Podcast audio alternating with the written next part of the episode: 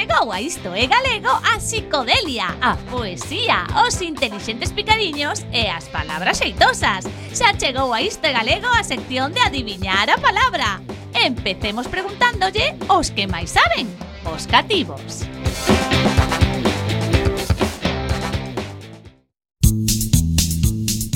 É como un cogumelo, pero de metal e ás veces leva flotador. E gustalle moito dar voltas e peitease con rayo medio. A, a, algúns son, son relixiosos. Que dis? Iso non é certo. Si sí que é certo que os vin eu, que en vez de rayo medio levan cruces na cabeza. E, e, e tamén viven dentro dos aparellos da casa, e cando os abres saen todos.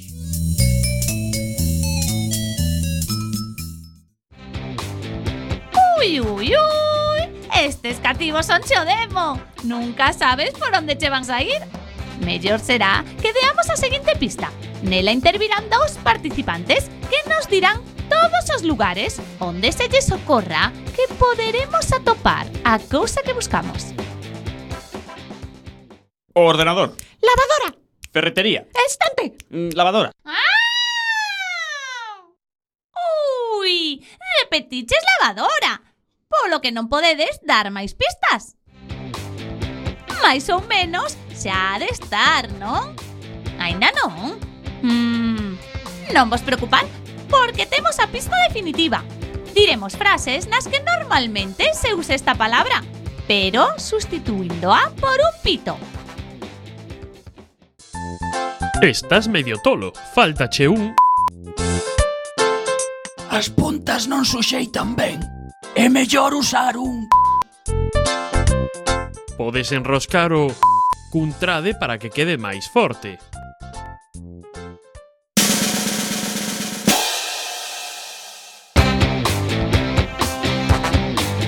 Ui, que xa ouvin alguén dicilo. Que? Pois claro que sí, un parafuso. Esa peza de metal ou madeira co corpo en forma de rosca que ao facela xirar sobre si sí mesma se introduce nunha superficie. Oxe gustou! Pero como sempre, acabamos por adiviñalo. Xa estou desexando que chegue o seguinte capítulo e con el un novo reto.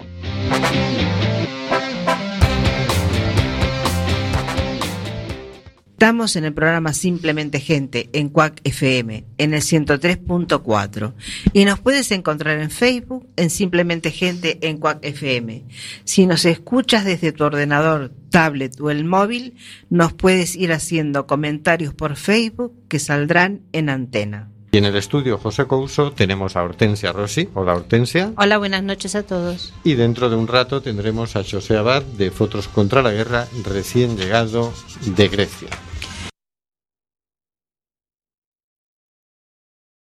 Nosotros queremos tenderles la mano, ayudarles a vivir, darles el calor humano que se merecen y a que tienen derecho. Contamos hoy con la presencia de José Abad de Fotos contra la Guerra, que ha estado recientemente en Grecia. En concreto, has estado en los campos de concentración, que le llamamos aquí. Sí, bueno, en, eh, estuve en dous tipos de campos diferentes, gubernamentais e non gubernamentais, no? Ajá. Digamos que a, a primeira parte eh, foi na zona de Idomeni, eh, nos chegamos xusto o día que pechaban Idomeni, eh, xa a policía había controles de policía constantemente, e había un corte de carretera nun punto próximo a Idomeni, e a partir de aí xa non se podía pasar nin ningún medio, nin prensa, nin voluntarios, nin, nin ningún tipo de persoas, non? Salvo algunha ONG concreta que tiña eh, eh, algunha actividade permitida, digamos, eh, nese, nese intre, non? Uh -huh. eh, bueno, pois, eh, digamos que eu fun testigo de, dese desaloxo mm, vendo pasar os camións e vendo as actuacións da policía, vendo pasar os autobuses cos refuxados e ali pois estábamos un, un grupo de xente, eh, moita xente de medios de comunicación, había tamén algún voluntario, eh, fotógrafos eh, payasos que estaban esperando que chegaran os, os autobús para facerlles unha despedida ás persoas refuxadas eh, bueno, pois tratar de alegrar mm, algo ese intre pois máis ben tráxico non? E, bueno, unha vez eh, pasado ese día, que hubo tamén un corte de carretera, unha concentración, hubo intervención policial, eh, había moitos voluntarios mm, manifestando o, o seu rechazo a, a, ao desaloxo de Idomeni, Mm, eh, bueno, e posteriormente a eso, pues puden estar nos campos de, de do Hotel Jara de BP, que é unha soliñeira, onde estaban ali acampados. O Hotel Jara é un, o, unha, bueno, un espazo que hai eh, que pertence a ese hotel, que se chama Hotel Jara, eh, e tamén eh, noutra gasoliñeira que se coñece como ECO, non? É unha cadena de, de gasolineiras griegas que, que deixaron ese, o, bueno, alugaron ese, ese espazo para que as, os refugiados poidesen estar ali eh, acampados, non? E estuviste en ese en esa especie de campo, ¿no? Sí, sí, estive neses, neses ¿Eso campos. esta- ¿Estaba ya ordenado por, mm, por el ejército griego? No, ese, esa, ese, esos tres campos concretamente de BP, Jara e Eco eh, eran non gubernamentais, é dicir, eran tendas de campaña como as que utilizamos para ir de acampada eh, normalmente eh, unhas condicións bueno, bastante lamentables para a xente porque sufrían pois bueno, frío, calor, o que fixera, non? Eh, condicións moi malas para os nenos, eh, moitas moscas, eh, bueno, unhas condicións que non que, que, que valen para pasar un fin de semana ou 15 días, pero que non sirven para, para ter unha presencia de meses como levan ali eh, toda esta xente, non? Eh, en- entiendo que esto ha sido como como la voluntad de, de la gente de allí, en el caso de la gente de las gasolineras, de que esta gente tenga un sitio, aunque sea por poco tiempo para establecer ahí, ¿no? Bueno, por, por la información que puiden recabar ali, eh, es, ese, ese campo concretamente, sí. eh, e o Hotel Jara tamén, eh, foron alugados por, por algunha organización grande, ¿no? Médicos, Ajá. médicos, sin fronteras, médicos sin fronteras, concretamente, pois fixeron o aluguer, chegaron a un acordo con coa xente da gasoliñeira e coa xente mm. do hotel eh, para alugar ese, Como ese espazo. Como unha solución aí sí. media momentánea para... para... In, incluso como iba a dificultar o acceso acceso a, ao público xeral, digamos que o que fixeron foi pois eh, bueno, alugar as, todas as habitacións do hotel ah. estaban eh, pagadas por, por Médicos pa. Sen Fronteras, non? Vale. Neste caso. E iso siguen funcionando ahora mismo Sí, sí, de feito eh, Por exemplo, na gasoliñeira tiña moita gracia Porque estaba todo cheo de tendas e de refuxados De, to, de, de, Xa. de, de moitas partes E a xente iba a botar gasoliña Con normalidade, digamos, claro. non a, a gasoliñeira Xa.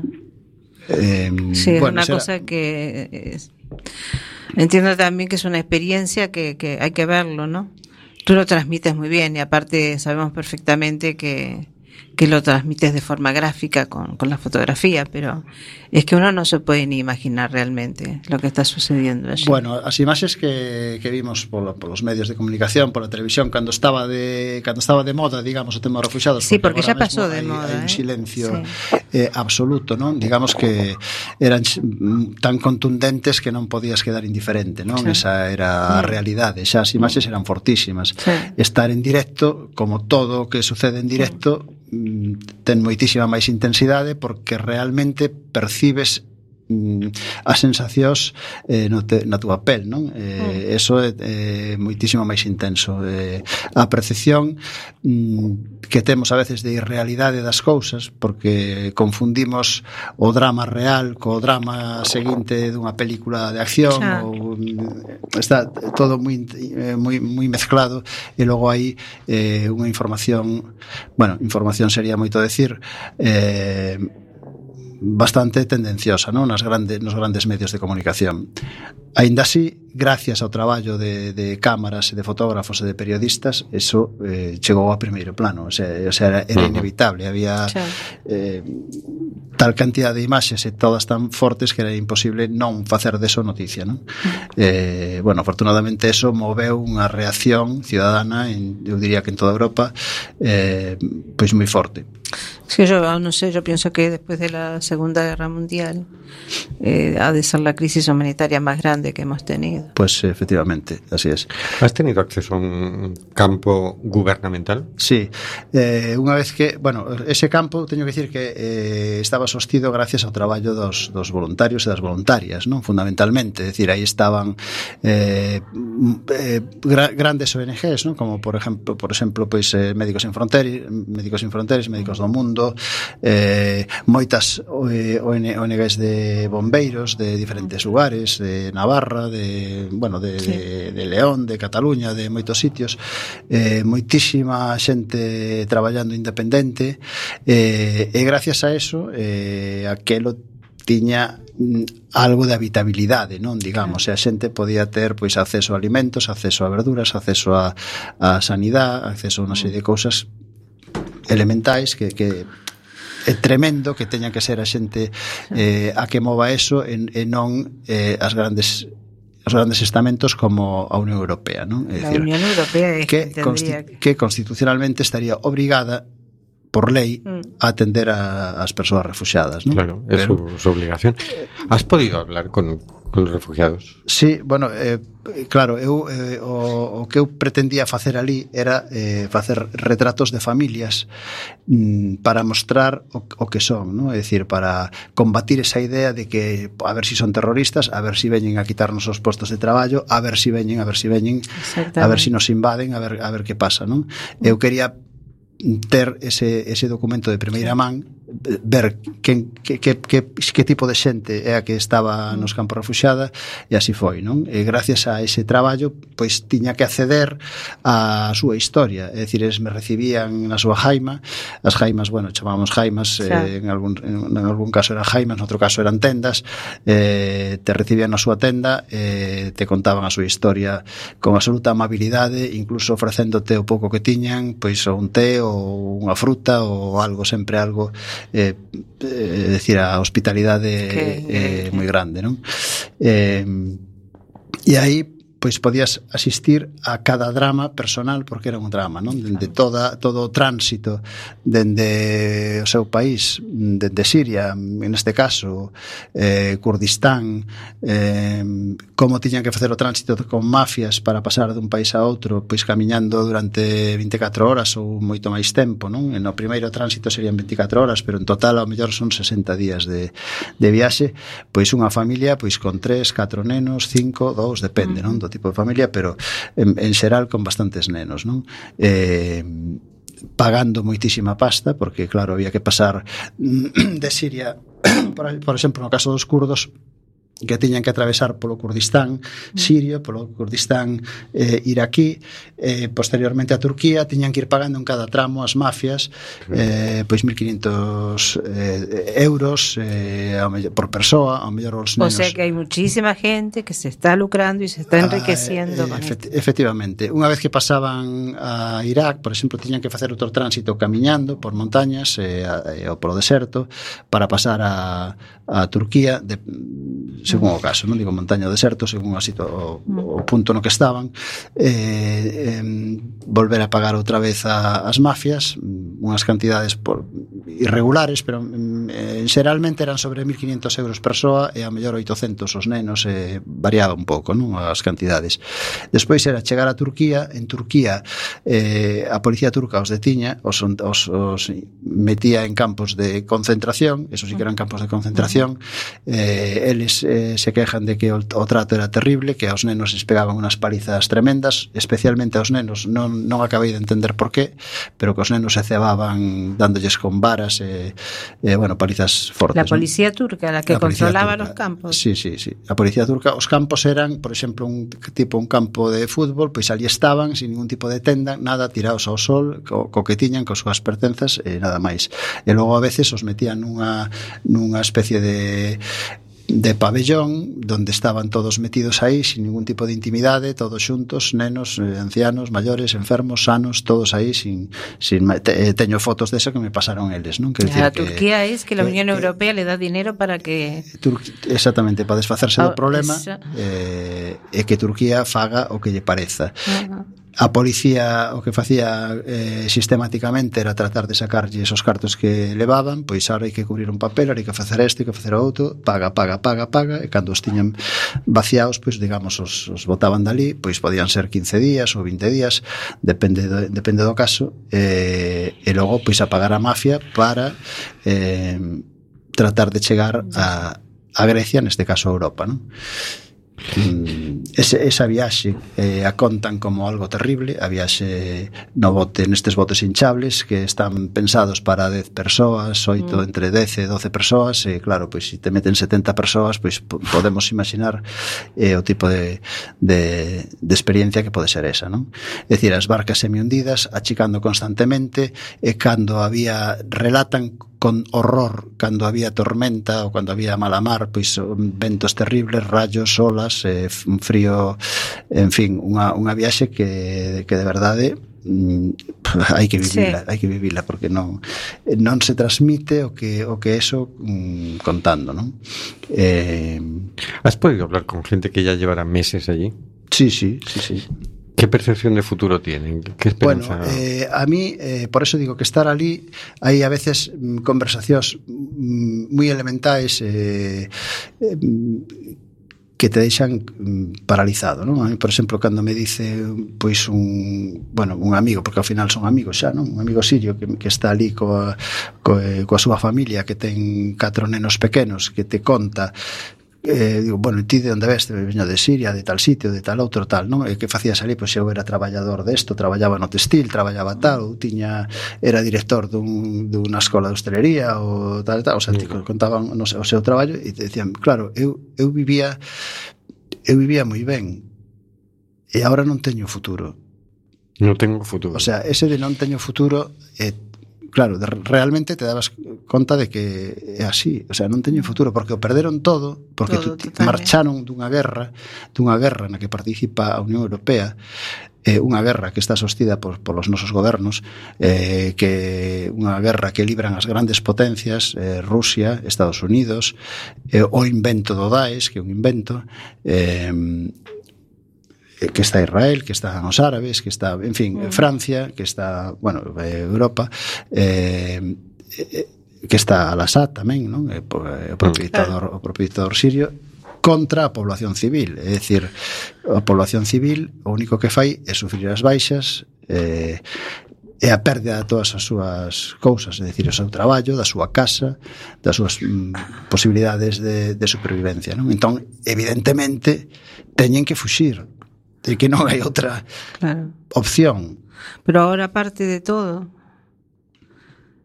se les está sometiendo a una tortura, una tortura impresionante, una tortura física y una tortura psicológica. ¿Cómo sale esta gente, los que tengan la suerte de llegar a poder, de cierta forma, recomponer su vida, ¿no? ¿Cómo llega esta gente a insertarse nuevamente en la sociedad? Es que, esto es, es que es tan grande el desastre, es tan grande. Eh, bueno, te preguntabas antes, Rubén, que si estive nun campo gubernamental. Sí, o campo de Catsicas é eh, un campo gubernamental, como ahora, ahora son prácticamente todos, porque esos que decía ao principio, DECO, BP, Sí, están, xa Jara, non están. xa os, eh, os disolveron tamén e, e eh, vamos, recolocaron a toda esa xente en campos gubernamentais. Nos campos gubernamentais eh, no, normalmente están controlados polo exército griego. Eh, e aí, bueno, hai unhas tendas mm, digamos, un pouco máis grandes que as tendas de acampada habituales. Son son tendas do exército, de mm. tela. Eh, cando chove se enchopan absolutamente. Eh, está todo o campo eh, cheo de auga, de charcos, as tendas cheas de auga, eh, hai en, en tes, testemunhas colgadas en, en na rede moitas de cando, cando chove que sucede nos campos, non? Mm. Eh, pero bueno, digamos que as tendas son algo máis grandes, mm, teñen eso sí, un documento que lles permite estar como refugiados en Grecia durante entre 3 e 6 meses. Eh, e digamos que, bueno, eu, eu ao final digo gracias aos gregos que lles deixan que se cesaron entrar mm. e que e que os acollen de algún xeito porque hai que ter en conta que aquí temos 18 refuxados ou por aí creo recordar. Creo que, creo que tenemos 30 e algo. y ah 200 ¿Eh? ¿cuántos? 200 y pico que... uy que sí. barbaridad. Bueno eh, en Grecia desde eh... que tú viniste a la fecha. vale vale desde que estuviste vale, en este programa a la fecha. esto va ben vale. pues bueno en, en, eh, en Grecia hai pois pues, eh, perto de 60 60.000 persoas refugiadas.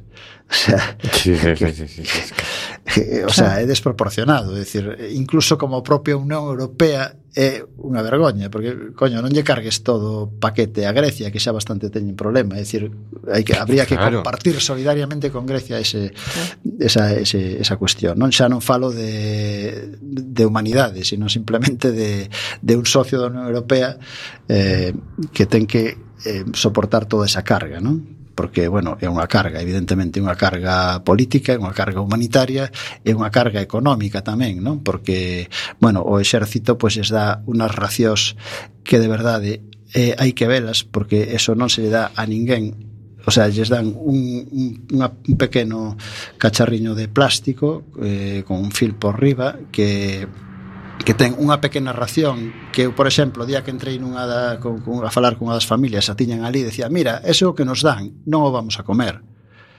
eu mirei, eran unhas patatas secas e, e pobres e nada máis o sea, unha vez ao día. O sea, que dieta é esa para unha persoa? Claro, E o máis gracioso é que, polo visto, a, o diñeiro para a comida dos refuxados aporta a Unión Europea. Sí, sí. Claro, nos pensamos que o único que pode pasar aí é que por, polo medio hai alguén Facendo tamén su negocio, llevándose su negocio, comisión, claro. Que non gasta o diñeiro en comida. E comida para niños? La misma. Eh, esas mismas patatas. Esas mismas. Unha outro día poden ser unha, unhas habas, eh, bueno, ese tipo de polo campo ves eh, esas es, esos platiños de plástico eh, Oye, una imagen para dejar, tirados, tirados polo chan, ¿no? para dejar clara la imagen, porque es que el presidente de Hungría dijo, no, no, en realidad lo que vienen son todo hombres en edad militar. ¿Eso es lo que tú has visto? Na, en absoluto. É dicir, hombre, sí, eh, é dicir, eh, todo pai de familia é un home en edade militar, eh, naturalmente. Pode haber e, e hai tamén xente que pois que est, que estuvo en algún tipo de exército, pois no exército curdo, no exército sirio, sí, no exército sí, tal, non? O sea, na, no, naturalmente hai como como aquí habería, non? Pero é dicir, o, o que hai son traballadores e traballadoras, homes e mulleres con nenos, pais e nais de familia, e eso é o que hai mayoritariamente Claro, no. nosotros hemos escuchado datos de 30% de niños, por ejemplo. Bueno, eh, no, no campo de Cachicas, que hai como 900 e pico refugiados, bueno, había un momento que eu estaba ali, agora non o sei, pois había en torno a 400 nenos e 95 bebés. O sea, eh, o sea, casi el 50%. Claro, é que menores de edad. É un campo que hai que pensar que é un campo que eh, o, eh, é dicir, o chan é de pedras, pedras, pedras, mm. porque bueno, como había ao principio non había nada, se formaba un barrizal tremendo e o exército para resolver o barrizal pois botou pedras. Son eh, piedras. Eh, claro, que son pedras que pois dificultaban pois a dormida, dificulta moitísimo o xogo dos nenos porque están xogando sobre pedras, e de feito, uno dos un dos xogos que fan os nenos é tirarse pedras que todos os días hai que atender pois unha brecha na cabeza ou unha, unha ferida ou tal, non? É dicir, é, é, esa é a situación. Vamos a meter en la conversación a María Vence, que está en el teléfono, supongo que nos estará escuchando. ¿Estás ahí, María? Hola, boa, sí, estaba aquí. ¿Nos oyes? Sí, perfectamente. Hola, María. Tú estuviste Hola, en Idomeni.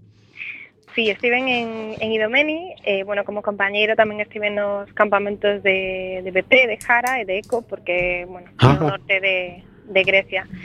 Eh, estiven en, eh, en Idomeni unhas semanas antes do desaloxo e durante o desaloxo eh, e despois no traslado forzoso, por dicirlo de algún xeito, da xente que estaba en Idomeni ata os campamentos oficiais que, que xestionan a eh, bueno, como comentaban, eh, que, cuestiona, que funcionan a través dos militares e que están no anel eh, que está ao redor da cidade de Tesalónica. Y tú también coincides con la misma percepción de que lo que vienen son más bien familias en las que lo que más hay es niños, personas mayores y hombres en edad militar muy poquitos. Totalmente. E ademais estaba escoitando e escribo palabra por palabra incluso non solo o que o que vin, sino o que sentín, porque esa mesma sensación non de que finalmente te convertes casi nunha amiga desta xente porque é algo que sabes que, que, que é necesario, non? Máis que a, a axuda de, eh, material ou eh, calquera outra axuda física que poidas dar eh, moita desta xente que necesita un apoio psicolóxico eh, porque obviamente están están abatidos e abatidas e eh, moitos deles perderon xa incluso a esperanza porque están nunha ratonera, non teñen non teñen non teñen opcións, que é o máis duro. Mm. Eh, efectivamente, eh, no campamento de Domenic eh, era era imposible saber de qué porcentaje de, de, menores de idade había porque nin sequera se sabía exactamente a cifra de persoas que estaban ali, pero mm, incluso eh, a mí facíame moita gracia antes de ir, no, que decía sempre sacando fotos de nenos pequenos, no, en conflictos que parece que están aí intentando, no, é que esa era a realidade, Tú chegabas ao mm. campamento e o primeiro que vías eran era un montóns de, sí, moitísimos. Yo hai un tema que me preocupa, porque es el siguiente. Es decir, hace tiempo vi un documental sobre el campo de refugiados de Turquía, ¿no? Y claro, había gente allí que llevaba años, ¿no? Y querían salir como fuera. Y claro, uno decía, te vas a meter en un viaje peligroso, no te vas a jugar la vida, cuando aquí ya tienes mínimamente, ya estás fuera del peligro de las bombas y tal. Pero claro, la sensación que ellos transmitían es que no me puedo pasar la vida aquí, no tengo futuro. Yo quiero, de alguna forma querían volver a algún tipo de normalidad, ¿no? Donde yo puedo desarrollarme profesionalmente, darle una profesión a mis hijos, etcétera, ¿no? Cuando vi en todo el tema de Idomeni, que era estaban enfrente de la frontera de Macedonia, mm, convencidos de que en algún momento Macedonia dejaría que se colaran. Y desde aquí los mirábamos y decíamos, si no os van a dejar pasar, ni de broma. Y, eh, me resultaba difícil, pero dices, claro, era su futuro. Era o eso o, o nada. Y dices, claro, ahora se han quedado en el nada, ¿no? Por eso me preocupa la, ya no solo la situación física que viven, que me parece mm, de lo peor que se les tenga en esas condiciones, pero es que la psicológica, es decir, si yo empiezo ya a quedarme sin futuro, ¿qué terminaré haciendo?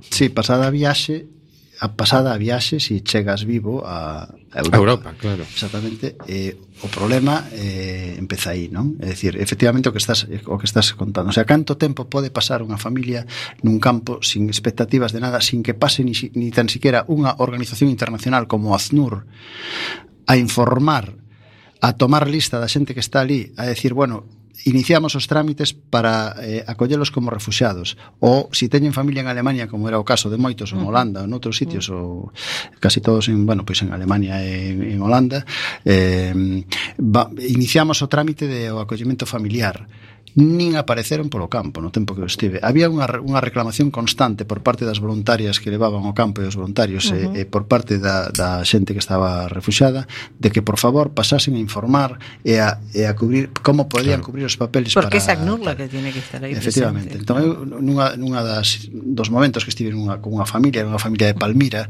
e aí impresionoume moito, non? Porque eu non son un tipo de chorar fácil, eh? eh Xa. Eh, bueno, sempre teño o escudo da cámara que me protexe moito, non? Crea unha certa distancia que, que bueno, pois pues, eh, ás veces te protexe, non? Xa. Pero eu estaba na, na tenda eh, un home forte eh, con, que tiña un fillo ali e eh, outros que estaban xa que outros un par deles que estaban en Alemania estaba a súa muller estaban estaba un, un dos fillos decía eh, el era director de, eh, en Palmira perdón, en Damasco de un, de un mm, centro de hostelería tiña un bo nivel de vida a muller era profesora da universidade eh, tiña un, incluso unha casa con tres plantas, aire acondicionado quero dicir que tiña un bo nivel de vida. E cando estaba contando isto dice, eh, claro, o, o perdimos todo, bombardearon a casa, nos quedamos sin nada, eh, eh, nós vivíamos no paraíso e agora non temos nada e rompe a chorar el, rompe a chorar a, a, xa. súa, a súa muller rompe a chorar o neno eh, e rompe a chorar eu tamén xa. é dicir, eh, o sea, ese, ese momento dramático é imposible eh, non, non compartilo porque te arrastra, non? É dicir, esa é a situación. Bueno, esa familia cando estaban, bueno, efectivamente querían ver a posibilidade de xuntarse co seu fillo que estaba en Alemania eh, e querían saber como podían facer eso, non? Como non hai resposta porque a, a estrategia da Unión Europea é deixalos esmorecer ali, deixalos que se agoten e que e que eles decidan regresar a Siria ou que fagan o que queiran, pero que marchen de ali, non es van non non lles van a dar ningún tipo de asistencia, eso eu para mí quedou claro. Mm -huh. nin os van a recolocar salvo 4 ou 5 en, en momentos electorais para decir, ah, mira que que non somos tan tan, electoral. tan crueles, non? Esa familia eh, cando eu marchei dali, por lo que me contaron agora, mm, trataron marcharon de, do campo de Cachicas, eh, uh -huh. trataron de cruzar Albania pola fronteira albanesa. A policía albanesa os os colle, os os fai unha unha entrega en en Quente, eh, os os reintegra a Grecia, Grecia os colle a policía griega, os manda outra vez para Cachicas. E outra vez marchaban para tratar de pasar pola fronteira de Macedonia. É dicir, a súa, o seu, a súa perspectiva de vida é tratar de atravesar unha fronteira hacia, hacia, hacia o norte, porque para tratar de, de chegar coa súa familia. Non? Esa, ese é o drama diario de toda esa xente. E, e moitos decían, eu vou a regresar a Siria, porque prefiro morrer ali dunha vez que estar aquí agonizando claro. e sin futuro, non? Esa era unha frase que repetían continuamente.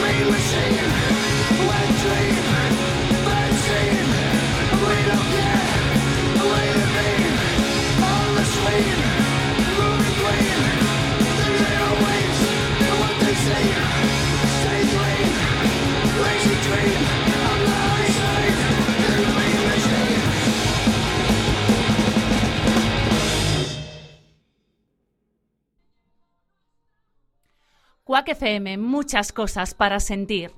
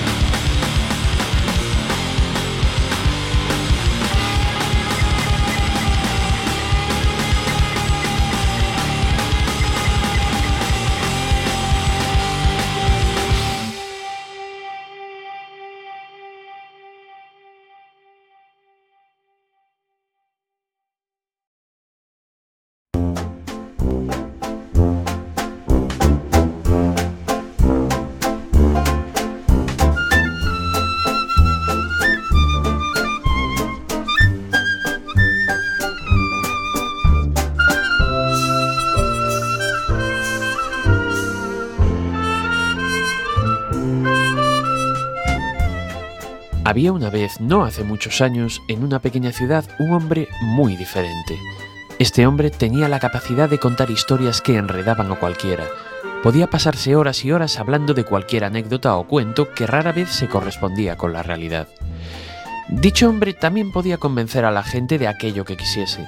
A veces hacía apuestas que ganaba convenciendo, por ejemplo, a un calvo para comprarse un peine. Esta historia en particular fue muy sonada y le reportó mucha fama y bastante dinero.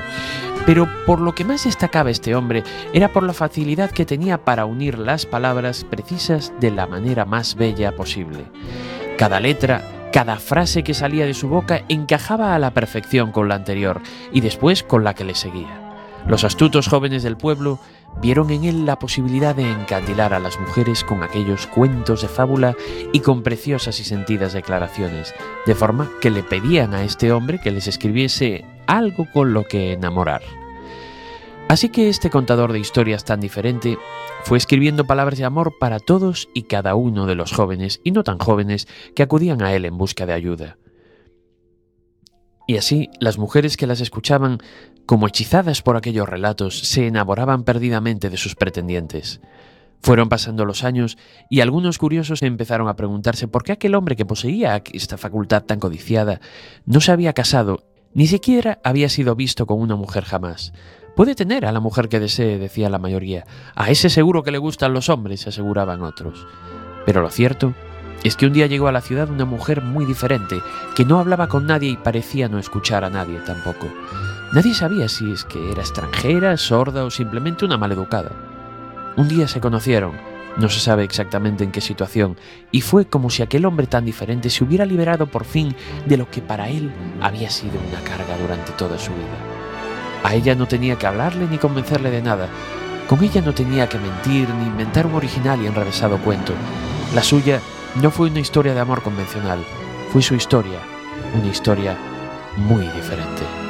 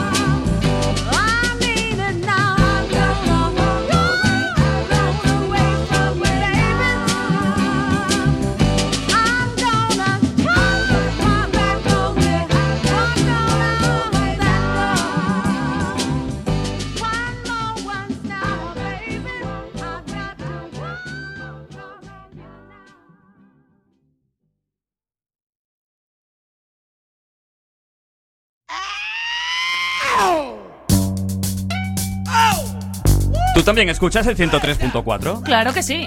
Quack FM. 103.4.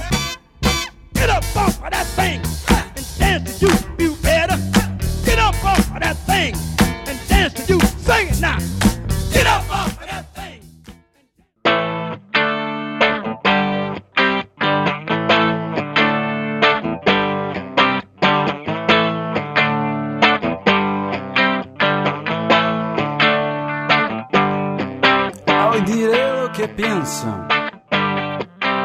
merece la pena, que merece la vida, y vivir con cadena.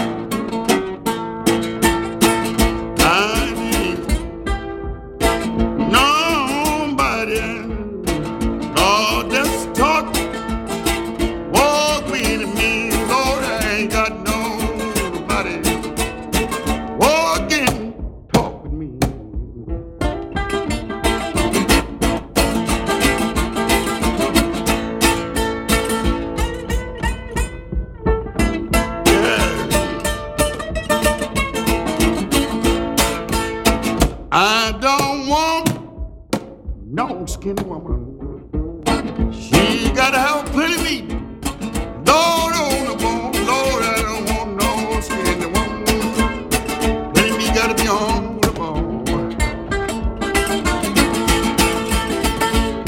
Started rolling at midnight.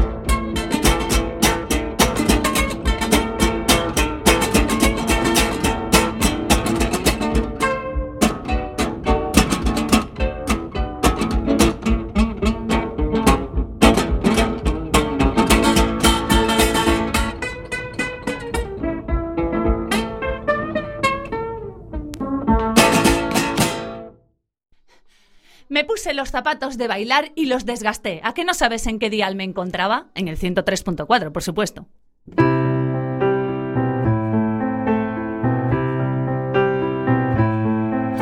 I've heard there was a secret chord that David played and it pleased the Lord, but you don't really care for music, do you?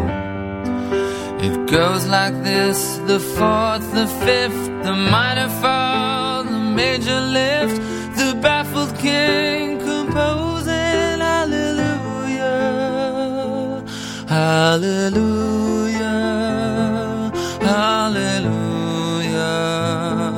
hallelujah,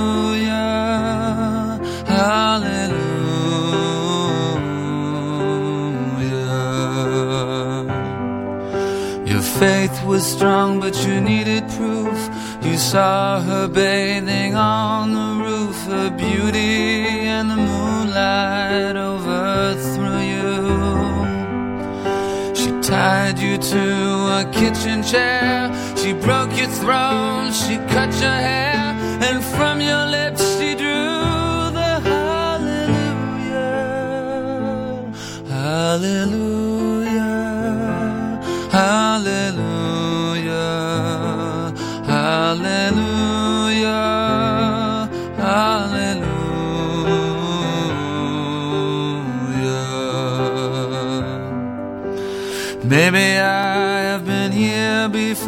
I know this room, I've walked this floor. I used to live alone before I knew you. I've seen your flag on the marble arch. Love is not a victory march, it's a cone and it's a broken hallelujah. Hallelujah.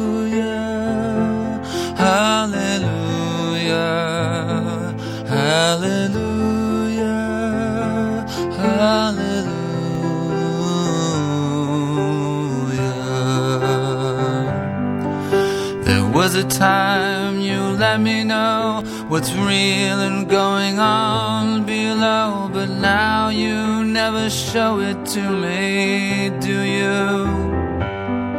And remember when I moved in you, the holy dark was moving too, and every breath we drew was hallelujah, Hallelujah, Hallelujah.